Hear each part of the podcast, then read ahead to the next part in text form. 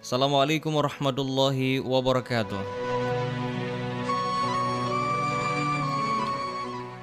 Hitunglah diri sebelum engkau dihisap. Saudaraku, mari sejenak kita renungi perjalanan hidup ini. Sebagian orang mengandalkan hidup ini seperti roda pedati. Sebagian lainnya memisalkan seperti air yang mengalir. Dan masih banyak lagi perumpamaan orang untuk memaknai perputaran silih bergantinya episode kehidupan. Namun yang lebih penting untuk dimaknai adalah dengan apa kita mewarnai kehidupan ini. Dengan cara apa kita menggerakkan roda kehidupan ini? Kuatnya godaan materi sering kali menghantam sisi-sisi idealisme kita, baik dari muka, belakang, ataupun sisi kanan dan kiri kita. Derasnya arus pendangkalan akidah mengerus perlahan pantai keimanan kita.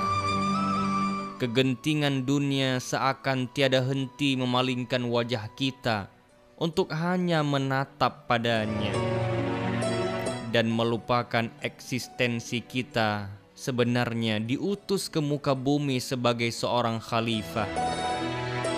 Saudaraku, jangan pernah jengah, lengah, dan lelah melawan gelombang arus yang akan menyeret kita ke tepian pantai kesia-siaan yang penuh penyesalan. Terpaan angin dunia alunan melodi keindahan dan segala kenyamanan dan kenikmatan merupakan ujian dari Allah Subhanahu wa taala pada kita sebagai pembuktian atas persaksian kita saat di alam ruh. Konsekuensi persaksian kita itu tentu akan dimintai pertanggungjawaban. Adakah sama dengan keseharian kita dalam mengarungi samudra kehidupan? Wahai saudaraku, mari sejenak kita tatap dalam-dalam diri dan jiwa ini. Apakah diri ini akan merasakan nikmatnya keluasan rahmat Allah Subhanahu wa taala pada hari perhitungan di mana tiada yang luput dari perhitungan Sang Rahman? Ataukah jiwa ini yang akan berkata dengan gugup dan panik tak kala menerima kitab amal dari sebelah kiri? Mari kita kenang perilaku keseharian kita. Mari kita kenang perilaku keseharian kita. Adakah sudah sekuat tenaga kita berusaha mencontoh manusia terbaik sang kekasih Allah? Bukankah Allah Subhanahu wa taala sudah mengatakan pada kita bahwa pada diri beliau yang mulia terdapat suri teladan bagi kita untuk menjalani kehidupan ini?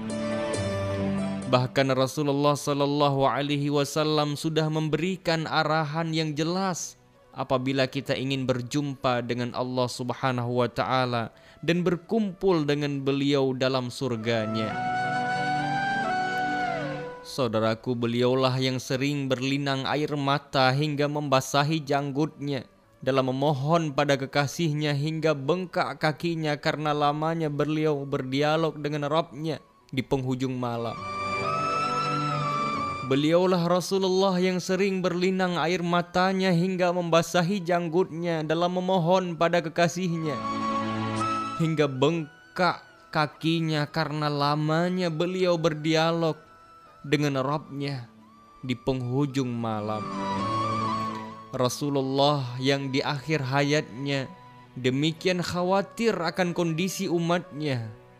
Beliaulah yang di penghujung hidupnya berseru, ummati ummati umatku umatku Wahai saudaraku Duduklah sejenak berzikir dengan lisan dan hati kita akan kemahaagungan Allah Subhanahu wa taala yang tiada pernah lelah mengurus diri kita.